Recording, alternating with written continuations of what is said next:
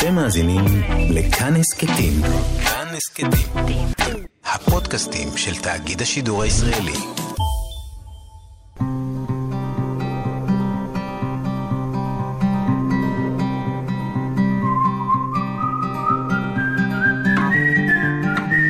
אחת פלוס חמש. אורחים וספרים עם ענת שרון בלייס.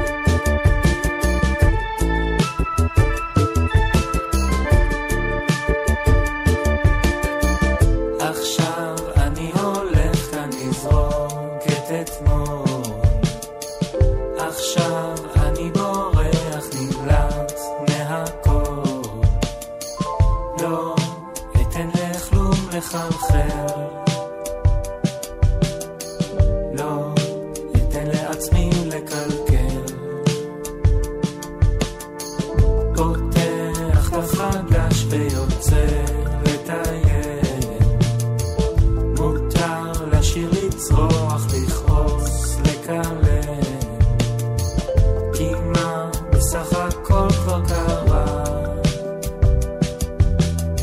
זה רק כמה סדקים במראה מאזינות ומאזיני כאן תרבות, שלום לכם. אורח אחד באולפן עם חמישה ספרים אהובים. היום גם תהיה כאן הרבה מוזיקה, כי האורח שלי הוא המוזיקאי, השחקן, היוצר, התסריטאי, הבמאי, נדב הולנדר, שלום. עם אלבום שלישי בדרך, ששמו הזמן האחרון, נכון. וננסה להספיק כמה שיותר, כי אתה כמו איזה תמנון כזה, נכון? זרוע אחת במוזיקה, זרוע אחת בטלוויזיה, זרוע אחת בתיאטרון, זרוע אחת, אה, היית גם עורך בגלריה, תרבות, כן. מולטי פרסונליטיז. אה, קצת מפוצל, כן, אני משתדל לעשות הרבה דברים כדי שאם משהו לא, את יודעת, לא יוצא כל כך טוב, אז אני אוכל להגיד שאני בכלל משהו אחר. אתה מפזר את הביצים לכל מיני סלים. את אמרת. אבל כשהיית קטן, כן. מה רצית להיות כשתהיה גדול? אה, אני לא יודע אם רציתי אה, משהו במיוחד, אבל הכי אהבתי לנגן. אז אני מאוד שמח שהיום אני בעיקר מנגן. מנגן, מפיק, מלחין. אה, אז המוזיקה זה הדבר הכי, האהבה הכי יציבה, ותיקה ועמוקה, אני חושב. וגם פה אתה מולטי אישיות, כי גם אתה מנגן על כל מיני כלים, לא רק על אחד, וגם מופיע ככה. כן. זאת אומרת, אתה רץ מהבמה, מהפסנתר לבאס, לחצוצרה, לכינור. לא, אבל כן, אני אוהב את הריצה בין הכלים, זה תמיד... אה, אתלטיקה קלה. כן, אני אוהב אתלטיקה מוזיקלית. מתי התחלת לנגן? מה היה הכלי הראשון? אה, כלי הראשון הייתה גיטרה שאימא שלי אה, קיבלה מ... איפשהו במשפחה, ותמיד הייתה איתה, ואז היא תמיד הייתה איתי, פשוט הגיטרה הזאת. אה, אז ניגנתי בה ממש מאז שאני זוכר את עצמי, אני חושב שאני זוכר אותה עוד לפני שאני זוכר את עצמי. וגם נשמע פה עוד, כאמור, מכל האלבומים שלך. אתה גם עובד עם אה, אלון עדר ולהקה. אכן. אתה גם מוכר מההצגה, הצגת הקאלט מייקל, שהפכה לסדרת הטלוויזיה מייקל, ועוסקת בסאטירה של אה, זיכרון של שכול. וגם עשית עם יובל מנדלסון, שאתה בכלל עובד איתו הרבה, עם היוצר יובל מנדלסון וגם המוזיקאי, סרט אימה, ממש לפני עשר שנים, ב-2012. נכון, חתולים על סירת פדלים. נכון מאוד. עכשיו, אה, חתולים שם, זה באמת נשמע נורא נורא מפוזר כשאת מנסחת את זה ככה. אתה זורק חתולים למים. אני אישית לא זרקתי שום חתול. כי יש לך פה עסק עם חתולנית, אז אה, אף חתול לא נפגע כן. במהלך הצילומים. חשוב לומר. כן, זה סרט ש... כן, עבדנו עליו בעצם אה, איזה שלוש שנים אה, די אינטנסיביות, והוא יצא לפני עשר שנים. עכשיו בדיוק בדיוק. חגגנו עם הקרנה מיוחדת. זה, את יודעת, זה סרט שלא הרבה אנשים ראו בזמן אמת, אבל עם הזמן מסתמן שהוא מצמיח לו איזושהי, אה, איזה שהם חיים. כמו חתול, תשע נשמות. כן, אז משהו כזה, כן. נדב, אני מנסה לדמיין את הילד עם האצבעות על המיתרים של הגיטרה, וגם המוזיקה והדברים שאתה עושה, בעיקר באלבום האחרון שתכף נדבר עליו. למה סרט אימה? מה היה חסר לך? זה היה צריך בחיים. לשאול את יובל. זה, אה, יובל, זה, אוקיי. זה יובל אה, הגה את הרעיון הזה. אה, אבל אני הצטרפתי לזה מאוד מאוד בשמחה, כי באמת היה קודם כשדיברנו על הריצה והקפיצה בין הכלים, אז uh, הרעיון מבחינתי זה השמחה של העשייה והכיף, והסרט uh, גם ביטא את זה באותו, באותו אופן, זאת אומרת, uh, לקפוץ לתוך האגם, הירקון באותה כן. התלהבות, והעיקר זה פשוט לעשות דברים שכיף לעשות וליהנות מהם, uh, מתוך הנחה שבסוף עוד אנשים ייהנו מהם. טוב, אני יודעת שאתה מאוד אוהב את היצ'קוק, אז אנחנו בטח נחזור לענייני האימה כשנדבר על ספר שקשור בהיצ'קוק בהמשך. אז אמרתי שלושה אלבומים, אלבום הבכורה מ-2017, לפני חמש שנים, מתת ועוגן. נכון. על שם היישוב מתת בגליל, ועל שם קיבוץ העוגן בשרון. נכון, אבל זה גם איזשהו אה, דו-משמעות, כי אני חושב שלשתי המילים האלה יש גם כן. אה, משמעות, אה, למילים עצמן יש משמעות מאוד יפה. בייחוד כששמים אותם ביחד, בייחוד בהקשר של מוזיקה ואלבום בכורה. מתנה ועוגן. ועוגן. כן, ועוגן. כן, בשבילי זה מה שזה היה. אז זה האלבום הראשון, האלבום השני יצא לפני שנתיים בערך, הוא אלבום לילדים, mm-hmm. ששמו מגש הקצב. נכון. והוא מוקדש לשיריו של אלתרמן, אלתרמן של הילדים, או איזשהו מבט קצת יותר קליל על אלתרמן. מגש הקצב זה פרפרזה על מגש הכסף, שזה השיר שלו, של החיילים המתים. ועכשיו אלבום שלישי, שאתה עובד עליו, הזמן האחרון, סינגל ראשון שיצא ממנו, עלים יבשים. זוכרת שהלכנו פעם הביתה, חלפנו ליד העצים הגדולים, ואת אספת עלי יבש ואמרת לי, תראה כמה נחמד לשחק עם עלים. חלפו המון שנים, אני מחפש עוד. בכל מקום עלים יבשים. ואת השיר הזה אתה נותן לאלי מגן לשיר. כן. במקרה ו... הזה, והוא מספר על אימא שלך, שהלכה לעולמה לפני כמה חודשים, mm-hmm. והייתה שנים עם אלצהיימר. כן. עלים יבשים זה דו משמעות פה גם. כן. גם העלים בחוץ, גם האישה, מה שעובר על הנפש, על הגוף. קודם כל, אה, באמת אה, זה זיכרון שבאמת קרה, ואימא שלי באמת אהבה מאוד ללכת אה, ברחוב בטבעון ולשחק עם עלים, כזה להרים אותם ולקבצ'ץ' אותם, והיא נורא אהבה את הצליל שזה עושה, mm-hmm. ו- ואני אשכרה עד היום, כל ספסל שאני יושב בו אפשר לזהות שישבתי בו לפי זה שיש ערימה גדולה של עלים מקובצ'צ'ים מסביב, וכך שזה גם באמת אחד לאחד, וגם אני חושב שבעיקר העניין כאן זה השלכת הזאת, שהם... שהאלצהיימר מביא, זאת אומרת שהוא מעיף באוויר את כל הזיכרונות כמו עלים. אה, באחד הספרים שנדבר עליהם, קוריקולום ויטה, יש אה, דימוי נורא נורא נורא יפה של יואל הופמן, שהוא כותב שהוא מדמיין אה, שרשרת פנינים על צוואר, mm-hmm. והוא, והיא מתפזרת, והוא מתכופף לאסוף. ואני בעצם בשיר, ככה שאלתי ממנו את הדימוי הזה למקום אחר, למקום של העץ, והפזמון של השיר אומר, הזיכרונות שלנו נושרים, אני רוצה לאסוף, נשאר ביד עלה אחד, ברוח מתפזרים אין סוף. כי זאת, אני חושב, התחושה, אה, גם באלצהיימר, אבל גם בכלל. זאת אומרת, אנחנו חיים נהר של זיכרונות, ככה זה עוד אה, משפט מקוריקולום ויטה. והנהר הזה הוא בשלב מסוים, אה, יש לו את הדרכים שלו, ואנחנו מנסים אה, ככה לחיות עם זה שהוא התפצל ושלח כל מיני זרמים לכל מיני מקומות, ו... ואלו הם החיים בעצם, אני חושב. מה שמה של אמך? יעל. וכמה שנים היא הייתה עם אלצהיימר? היה לה את זה מגיל די צעיר יחסית, מגיל, אה, היא אובחנה בגיל 60 אה, וקצת, ונפטרה בת 76, ממש לפני כמה חודשים, אז אה, כן, היו איזה עשר וקצת שנים של התמודדות מאוד קשה, הולכת ונהיית קשה. זו מחלה מאוד אכזרית. כן, אז בעצם באיזושהי נקודה בתהליך הזה אני התיישבתי בעצם ברחתי, יותר נכון, מתוך חיי אל איזה בית ששכרתי וכתבתי אה, שירים, שהם בעצם כמעט כל השירים של האלבום הזה. וזאת הייתה נקודה הרבה אנשים שיש להם קרוב משפחה במצב הזה, בטח מכירים את הרגע הזה, שבו מעבירים את הבן אדם למוסד, והוא עוזב את הבית. אה, זה רגע מאוד מאוד מאוד קשה.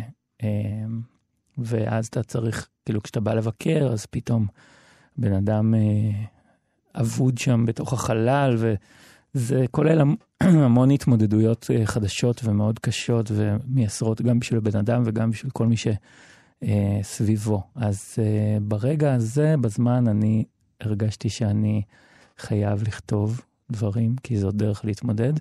וכתבתי את כל שירי האלבום הזה. בעצם אותו רגע היא, זאת אומרת, uh, הייתה בתהליך ההידרדרות uh, uh, של המחלה, ואני ככה מדי פעם התיישבתי להקליט עוד איזה כלי לאלבום הזה, וזהו, מקץ כמה שנים גם היא כבר איננה והאלבום מוכן. אז זה בעצם הזמן האחרון שעליו מדבר האלבום.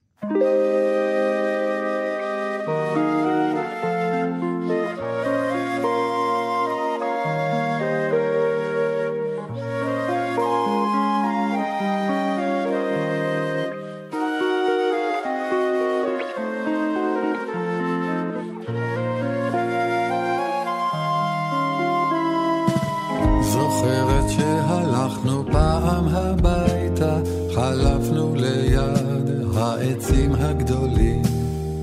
ואת אספת על יבש ואמרת לי, תראה כמה נחמד לשחק עם עלים.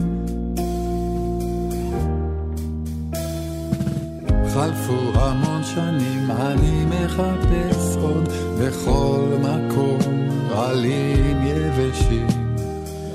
יש רגעים כאלה שצומחים בשקט, ואז פתאום בסוף מתגלים כשורשים.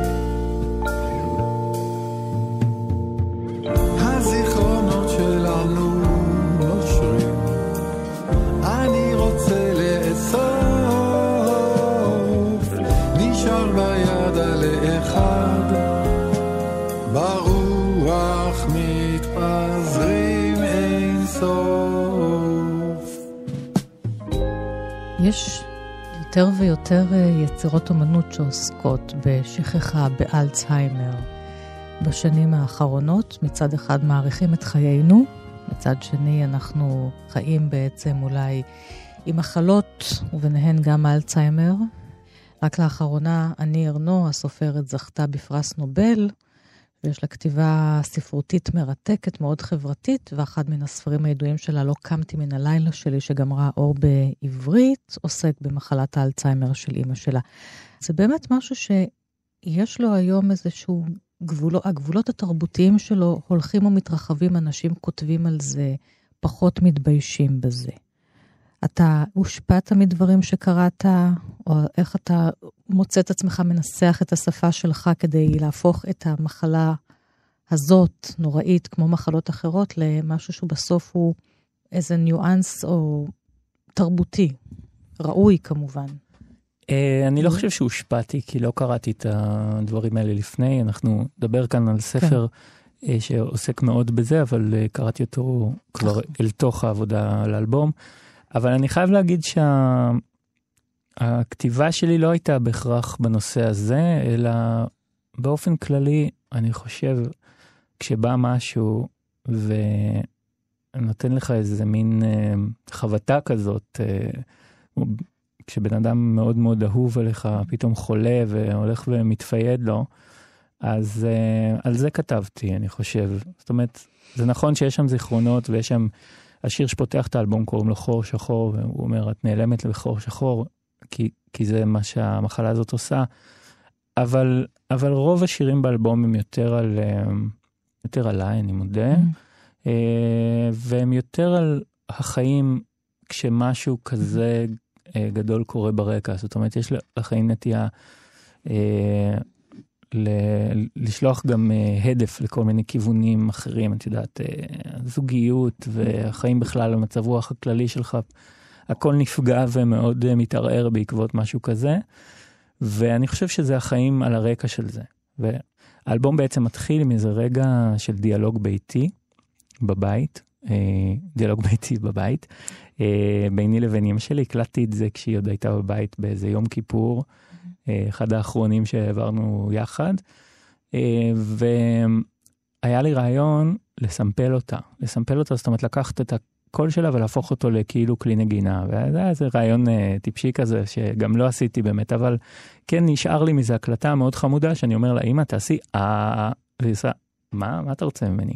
כזה, ו- והדיאלוג הזה בעצם פותח את האלבום, כשאת האה האחרון שהיא עושה, אה, כשהיא מסכימה להתמסר ולעשות לי אה, אז אני מותח אותו עם דיליי, שזה כזה Mm. אה, אה, אה, על כל האלבום בעצם. כאילו מתחיל מין כזה ארוך ארוך ארוך, שהוא בשקט בשקט נמצא ברקע של כל פעם ששיר נגמר וכל פעם ששיר מתחיל שומעים את האה הזה, כי, כי בעצם הכל על הרקע הזה.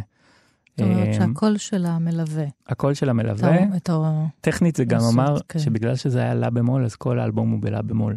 לידיעת המוזיקאים, זה אלבום שכולו בסולם אחד, כי הוא בעצם כולו מתיישב על הצליל הזה של, אה, של אימא שלי ברקע. אה, אז אני חושב שככה האלבום הוא כאילו יותר... עוד מתת יש פה. עוד מתנה. כן, בשבילי זה היה מתנה שהיה לי את ההקלטה הזאת בכלל, Mm. וכאילו שה... שהצליל הזה, נשאר לי צליל כזה ברקע כדי uh, בעצם ללוות את השירים. אני חושב שמבחינת המהות של, של הדבר הזה די מעביר את זה שזה שירים שבאמת נכתבו על רקע ההתפיידות הזאת. ואלי מגן, שאתה נותן לו לשיר. כן, אני, אני מאוד אוהב את אלי, הוא זמר נפלא נכון. ובסיסט נפלא, ובעיקר זה שיר שפשוט מאוד קשה לי לשיר uh, טכנית, כי זה שיר, כתבתי שיר שהוא קצת מעל לרמתי כזמר, וחשבתי מי אני רוצה שישיר את זה, ואלי מאוד התחבר לי, גם כי אימא שלי מאוד אהבה אותו, וגם כי אני מאוד אוהב אותו, ובאמת היה איתו מאוד כיף, עשינו מופע אחד בפסטיבל הפסנתר כבר, ונעשה עוד השקה של האלבום, ו... וגם הקול כאלה. של אלי והאצבעות שלו על המיתרים נראה לי מתחברים לרגישות שלו, לרגישות uh, שלך. גם כשעשית את מגש הקצב של אלתרמן, אז אימא שלך כבר הייתה, אני מניחה, עם המחלה, ואז uh, אתה ויובל מנדלסון וענת מושקובסקי. מה רצית לתת לילדים אז עם אלתרמן? אה, קודם כל את צודקת שאת מחברת את זה לאימא שלי, כי זה הכי אימא שלי האלבום הזה, אבל לצערי היא כבר לא הייתה במצב אה, להקשיב לו וליהנות ממנו, היא כבר הייתה בבית אבות, היא הייתה, השמיעה שלה כבר לא הייתה כך טובה, אבל עדיין אה, יש שם שיר שנקרא בוקר טוב, והייתי שר לה אותו. יש לי כל מיני סרטונים בבית האבות שאני יושב ליד המיטה שלה ושר לה את זה. אה, הרעיון המקורי היה של אה, עינת בסר, מפיקה אה, מוכשרת ונהדרת, שהגתה אולי נעשה מופע אלתרמן לילדים, ואני לקחתי את הרעיון בשתי ידיים, וחיפשתי טקסטים שיתאימו, אה, גם כאלה שנכתבו לילדים וגם כאלה שלא. וזהו, ויצרתי בעצם מופע, ובעקבותיו גם אלבום, שכולו אלתרמן, אה, שמתאים לילדים אה, להקשיב לו ולהבין, ו, וגם שיבצתי קטעי קישור שאני Mhm. כתבתי בין לבין. כן, ואתה כבר הרבה הרבה זמן אתם אה, רצים אה, עם המופע הזה. כן, הרבה הופעות כבר. מומלץ לבוא. יש הופעה, דרך אגב, ב-26 לנובמבר, אה, מגש הקצב במרכז עיניו. בכלל, ההורים שלך כרוכים הרבה באומנות שלך. האלבום הראשון, העטיפה שלו מאוד מעניינת, היא עשויה מקולאז' כזה של תמונות, מהמם, בהשראת האמן הבריטי דיוויד הוקני, נכון מאוד. שקשורות לביקורים של ההורים שלך שהם באים אליך לאולפן. והאלבום שאתה עובד עליו עכשיו, הזמן האחרון, יש שם גם איזה מין קולאז' של אתה יושב עם אימא שלך על ספה, שספק, אה, כמו איזה סירה ששטה בתוך כן. מים. דרך אגב, התמונה הזאת של, ה... של האלבום החדש, כן. כן. צולמה ביום האחרון של אימא שלי בבית. אה, צולמה על ידי אח שלי.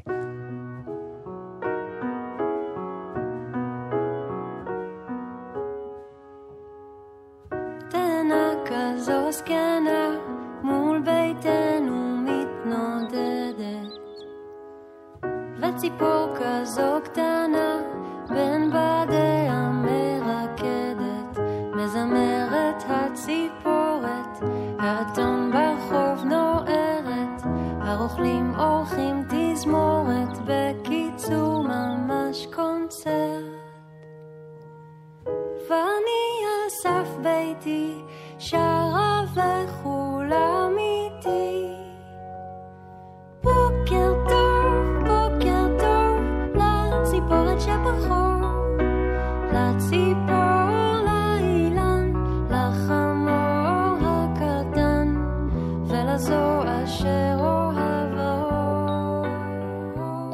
מאזינות ומאזיני כאן תרבות, אחת פלוס חמש, אורח באולפן עם חמישה ספרים, היום נמצא איתי המוזיקאי, השחקן, אה, תסריטאי, במאי, מלחין, ועוד הרבה הרבה דברים. נדב הולנדר. אז אנחנו מתחילים קצת עם הספרים, שחלק מהם נוגעים לסיפורים אה, על אימא וגם לעשייה שלך. הספר הראשון, האיש הזקן של נוגה אלבלח, הסופרת, שגם זכתה עליו בפרס ברנר, והיא עוסקת בפרגמנטים קצרים, ספר מאוד מיוחד, כמעט שירה, מהמם. באבא שלה שהולך ונעלם אל תוך המחלה. כן, אני כשאני... הביאו לי את הספר הזה, אה, כי אמרו, אתה צריך לקרוא את זה, קודם כל צדקו, ואני הייתי בשוק, הייתי בשוק מרמת הדיוק, כי כשמשהו כזה קורה, כל אחד, אני, זה בעצם, המון אנשים מכירים את זה, כי להמון אנשים יש, אה, כמעט, כמעט כולם בשלב מסוים, יש איזה הורה שחולה בזה, בדבר כזה או אחר, ואז אתה בעצם עובר עליך משהו נורא נורא מתסכל, ואתה ברוב המקרים כל כך מוצף מזה שאתה לא עוצר לרשום. אתה לא עוצר, זאת אומרת, אני נגיד כתבתי שירים, אבל אני חושב, אה, כאילו זה לא פשוט, זה לא הייתה כתיבה דוקומנטרית של מה עובר על, מה, מה אני רואה וזה, ו, ונוגה, ממה שראיתי בספר, פשוט אה, רשמה לעצמה דברים, וזה הדהים אותי שהיה לה את הכוח הנפשי. אה, או לרשום בזמן אמת, או לזכור, אני לא יודע איך היא עשתה את זה, אבל... ו- ולתאר את זה בצורה כל כך מדויקת, ש- שבאמת היא, היא גם מתייחסת לצד האבסורדי של, ה- של הדמנציה, של אובדן הזיכרון והטשטוש הזה של התודעה. אה, יש בו הרי סוריאליזם, והסוריאליזם הזה בא לידי ביטוי בספר הזה. הספר הדהים אותי באמת. אה, לא האמנתי שמישהו מתאר את החוויות שאני גם עברתי עם אמא שלי בצורה כל כך מדויקת. אה, וסימנתי לי כאן איזה קטע. אני לא יודע אם אני קראן כל כך טוב, אבל בוא ננסה. קראן, זה נחמד. כן. בתום ארוחת החג הסיעה הבת את האיש הזקן ואשתו חזרה אל ביתם. זה לא הבית שלי, אמר האיש הזקן על המדרכה לפני ביתו. בוא, אוכיח לך שזה ביתך, אמרה בתו, והאיש הזקן ציית והלך אחריה. אתה מכיר את החלוק הזה? שאלה. כן, זה החלוק שלי, ענה לה. אם כך זה החדר שלך, אמרה. וזאת המיטה שלך, הצביעה על המיטה הזוגית. הנה הכרית שלך, השמיכה שלך, הוסיפה. האיש הזקן התבונן במיטה בעיון. ומי ישן כאן? הצביע. כאן אמא ישנה, אמרה בתו של האיש הזקן. לא, אמר האיש הזקן וניגש בהחלטיות לדלת הכניסה. אני רוצה לצאת. נתנו לו לצאת. בקצה השביל המוביל לרחוב נעצר ולא ידע לאן לפנות. בתו נעמדה לידו. אני לא מוכן לישון במיטה עם אישה זרה. מה יגידו עליי? מה יגידו על האישה? עד חצות נשארו כך ברחוב. האיש הזקן עקשן, בצלילותו כמו בעכירותו. נדמה שרק מתוך עייפות התרצה לבסוף והסכים לעלות הביתה. כל הלילה ישן על הכורסה בסלון, שומר אמונים לאשתו, הישנה בחדר הסמוך. אני מכירה את הקטע הזה. עכשיו אני, חוש- אני, אני רגע קופץ כן. לעוד איזה אחד שאני מאוד אוהב, בסדר? כן, אני גם חושבת, עד שאתה מוצא אותו, שעל ההרח- ההרחקה, האיש הכביכול מופשט, האיש הזקן, הבת, האישה, בלי לתת שמות, כן. אה, זה כאילו כולנו. זה גם כולנו, כולנו, וזה וגם, גם- כן, זה ממש ככה, זה, ו, וגם זה משהו שהמחלה עושה, זאת אומרת, כן. היא, זה חלק ממנה, היא שאין את הזהות יותר. מפשטת הכל, הכל. לכדי איזה מין צורה אמורפית אה, שהולכת ונהיית מופשטת. אה, ובאמת היא עשתה את זה כל כך יפה, אני אקרא עוד איזה משהו קטנטן. ככה זה עמודים בספר, זה מאוד uh, מתומצתים. כן, אמרת את זה ממש כמו שירה. כן. יום אחד, בעת ויכוח עם בתו, כמו כדי להוכיח אותה על דבריה החצופים ולהראות לה שהוא שולט בפרטים טוב ממנה, אמר האיש הזקן, אל תחשבי שאני לא יודע. אני הכרתי את אבא שלך, הוא היה איש נחמד, הגון. האיש הזקן, הספר של נוגה אלבלח. כן. תחפשו גם אותו.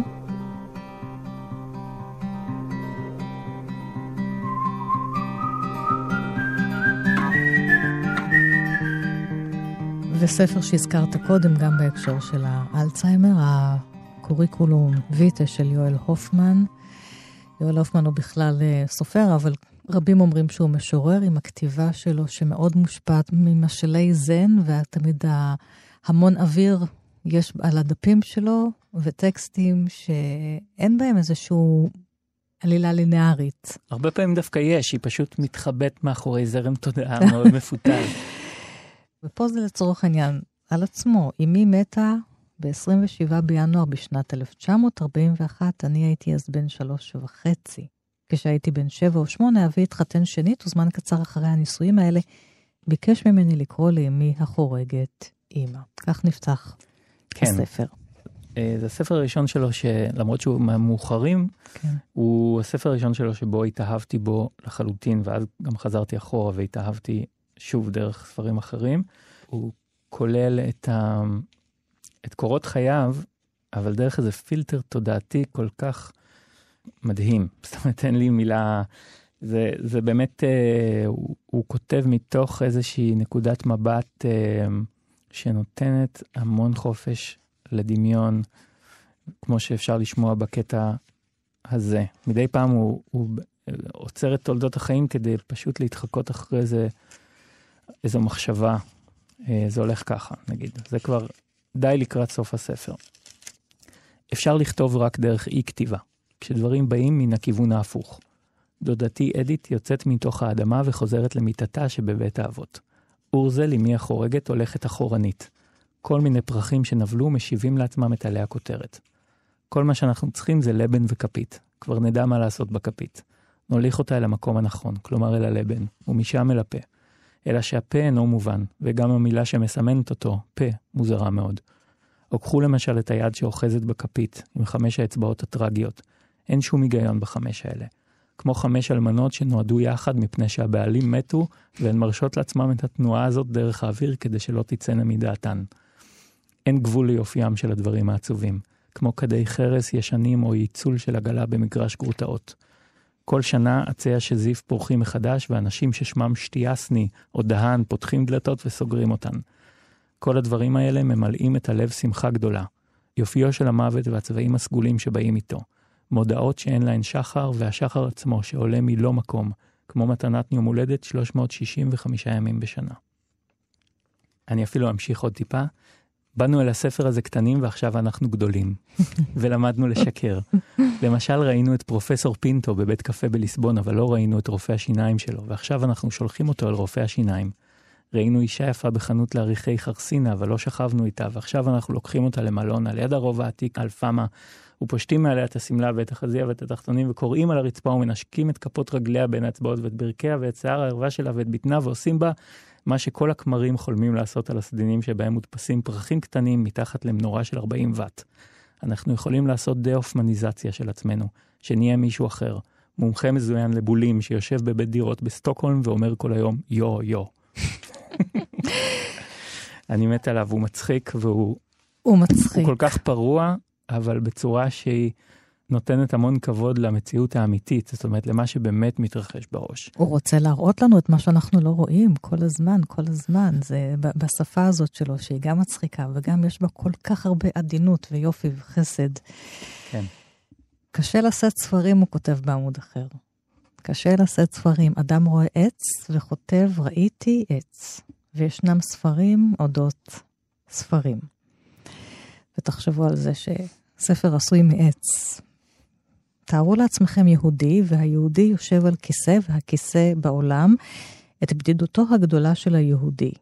לכמה חלל נזקק אדם עם כיסא וכמה חלל ניתן לו. ופה הוא כבר מתחבר הרי לקבלה ולרבי נחמן מברסלב ולכל המעשיות על כיסאות ועל חלל ועל uh, כיסא המלך. אפילו הלחנתי פעם אה, פיסה קטנה מתוך אה, הספר הזה, ושלחתי לו את זה. אה, קיבלתי תגובה משמחת, איזו נ- פיסה? נמצאת במייל שלי ואני אנצור אותה לעולם.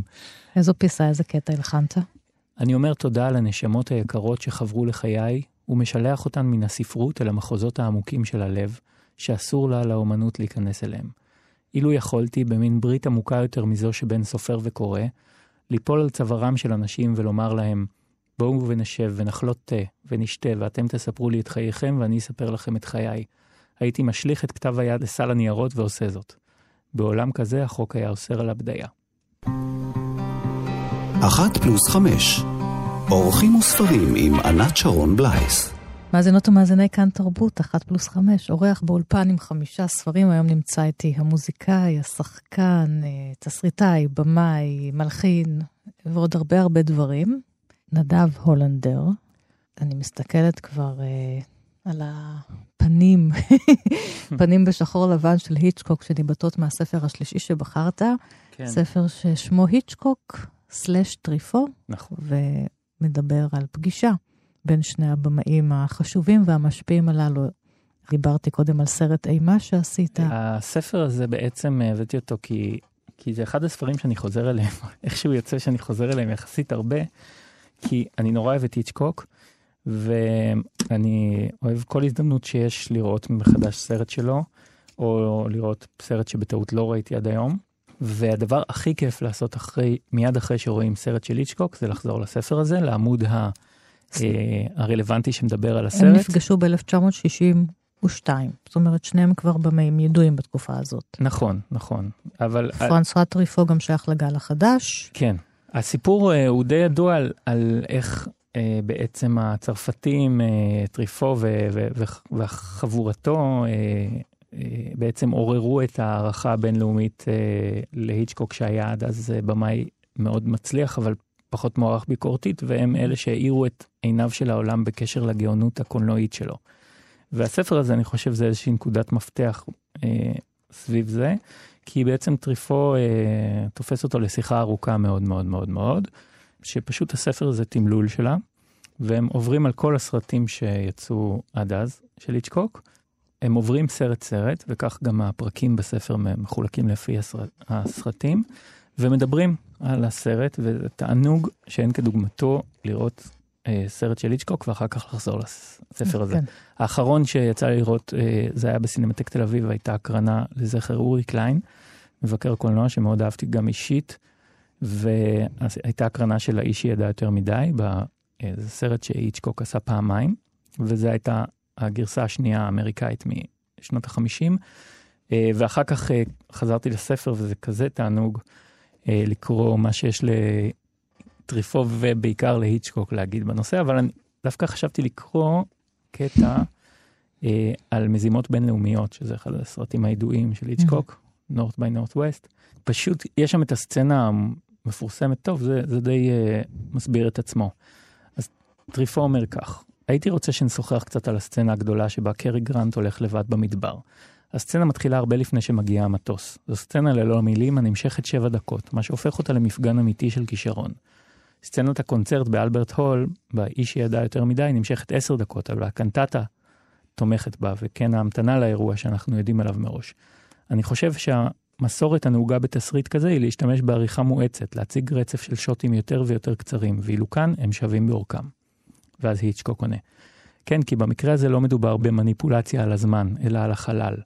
משך השוטים נבחר כדי לסמן את המרחקים השונים שקרי גרנט נאלץ לעבור כדי להסתתר, ובייחוד כדי להראות שאינו יכול לעשות זאת. סצנה שכזו לא ניתן לצלם באופן סובייקטיבי לגמרי, כי הכל יהיה מהיר מדי. חייבים להראות את המטוס המתקרב, אפילו לפני שקרי גרנט רואה אותו. משום שאם השוט יהיה מהיר מדי, המטוס לא יהיה מספיק זמן בפריים והצופה לא יהיה מודע למתרחש. אותו דבר קורה בציפורים, כששחף מנקר במצחה של טיפי אדרן ששטה בסירה. במקרה כזה, מסלול מעופה של הציפור בפריים יהיה מהיר כל כך, שהצופה עלול לחשוב שפיסת נייר נגע בפניה. לו זו הייתה סצנה סובייקטיבית, היית רואה את הצעירה בסירה, היית רואה את מה שהיא מסתכלת עליו, למשל הרציף, ולפתע משהו מכה בראשה. זה מהיר מדי. לכן הדרך היחידה היא להפר את נקודת המבט. חייבים לנטוש את נקודת המבט הסובייקטיבית לטובת נקודת מבט אובייקטיבית, כלומר להראות את השחף לפני שהוא מכה בצעירה, כדי שהקהל יהיה מודע למתרחש. אותו עיקרון חל על המטוס במזימות בינלאומיות. היה צורך להכין את הצופים לאיום בכל פעם לפני שהמטוס צולל. אה, ואני מוצא את הספר הזה תענוג אה, צרוף ובית ספר אה, לא רק למחשבה קולנועית, אלא בכלל מחשבה אומנותית ועל המניפולציה המדהימה שכל אומן בעצם מבצע בקהל שלו. היצ'קוק לגמרי היה הגאון של התחום הזה. התחלת את הקטע גם עם הנושאים של המוזיקה שמלווים את הסצנות האלה, וכמה שגם המוזיקה גורמת לנו הרי לראות אחרת ולחוש אחרת את הזמן. והגאונות של היצ'קוק, שבאה לידי ביטוי כאן בשתי הסצנות שהוא מזכיר, גם בשדה התירס הידוע וגם בציפורים, זה מתי להשתמש גם בשקט. הוא יודע מתי לשים שקט ולגרום לשקט עצמו להיות מצמרר יותר מכל מוזיקה מותחת. אתה יודע מתי להשתמש בשקט? אה, זאת שאלה. הרבה פעמים אה, באמת בשיר אתה צריך לדעת מתי, אה, מתי לשים איזשהו רגע, מתי לתת מקום לדברים אחרים, שקטים יותר. אה, כן, בכלל, בחיים, אני חושב, צריך לדעת מתי... אה, לומדים לאט-לאט, מתי לשתוק.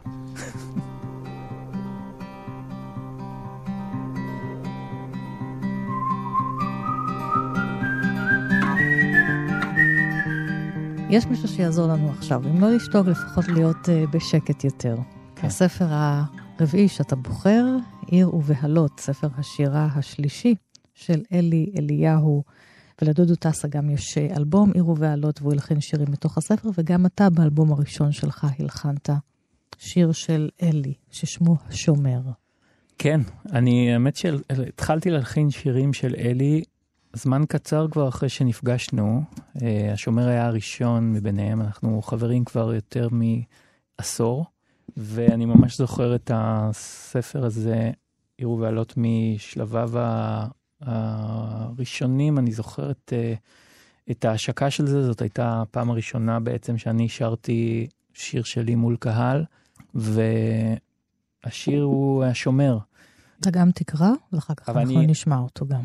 דווקא חשבתי לקרוא משהו אחר. אה, אוקיי, אז כן. אנחנו רק נשמע אותו. אני אקרא שיר אחר שהלחנתי. זה שיר שנמצא בגב הספר, ולא בכדי. אני חושב שהוא שיר מדהים. ולו ללילה אחד. דבר לא תזכרי מהלילה הזה. לא את הריסת זרועותיי שנשאה אותך, כפי שהכל נושא את ההד. לא את העקשנות האילמת של רגליי שצעדו על פני החדר בדבקות של מתאבד. לא את אור המנורה שנח על פנייך, ולא את לחשי האהבה שפינקתי באוזנייך עד שנרגעת ונרדמת. דבר לא תזכרי מכל זה, אבל מכאן ולשארית חייך תבקשי נפש אחת בעולם שתדבק בך, כפי שאני, ולו ללילה אחד. הבת של אלי. כן, יש לו, לאלי יש שירים מדהימים בנושא, וגם להבדיל בנושא אביו, המנוח, נכון. שהוא אה, מספיד אותו בכמה מהשירים הכי יפים שקראתי בחיים שלי. מדבר על פרידה, וגם שירים שחלק מהם הלחנתי, ואני מקווה שמתישהו אני, אני אוציא אותם.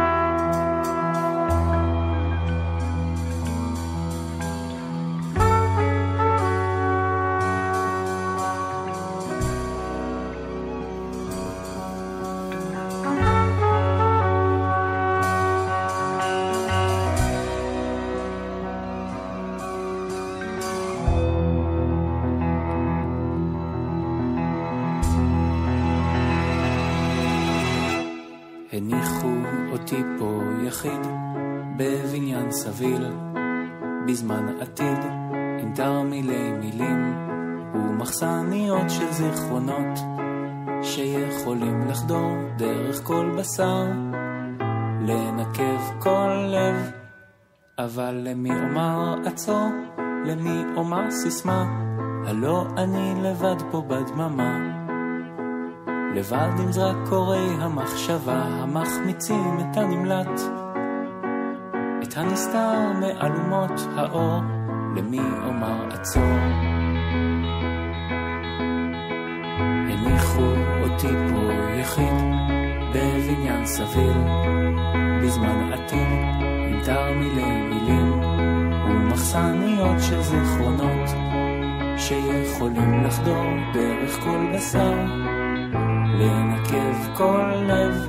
משפחות משפחות. כן, כל אחת אה, מאושרת בדרכה, או כל אחת אומללה בדרכה, והמשפחה של אפרים קישון, מספר משפחתי, גם אם היא אומללה, הוא עושה ממנה הכי מצחיקה בעולם. כן, כן. זה הספר האחרון שאתה בוחר. כן, ספר משפחתי של אפרים קישון.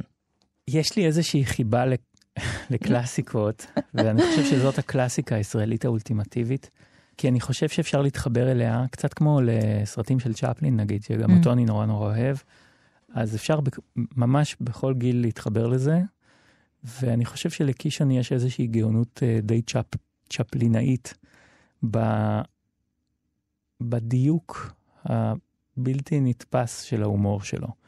ויצא לי לא מזמן אה, לקרוא שוב את הספר הזה, והייתי בהלם מכמה שהוא עדיין עובד, ועדיין מצחיק. ברור, מה זה, זה, כל פעם אתה פותח דברים שלו, וזה, עכשיו כתבת את זה? כן. היום? פשוט לא יאמן כמה, כמה מצחיק וכמה ההומור שלו מדויק ומנוסח בצורה גאונית, פשוט גאונית. יש כאן איזה קטע שאני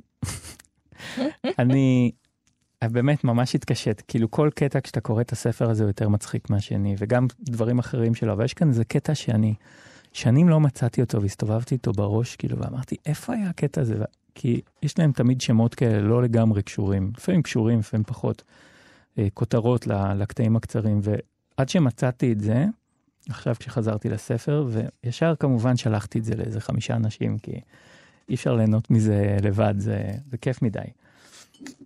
זה קטע שמככב בו שטוקס, שטוקס האגדתי, כפי שהוא קורא לו, האינסטלטור, אה, אבל יש כאן איזה גאונות קומית אה, וקיומית.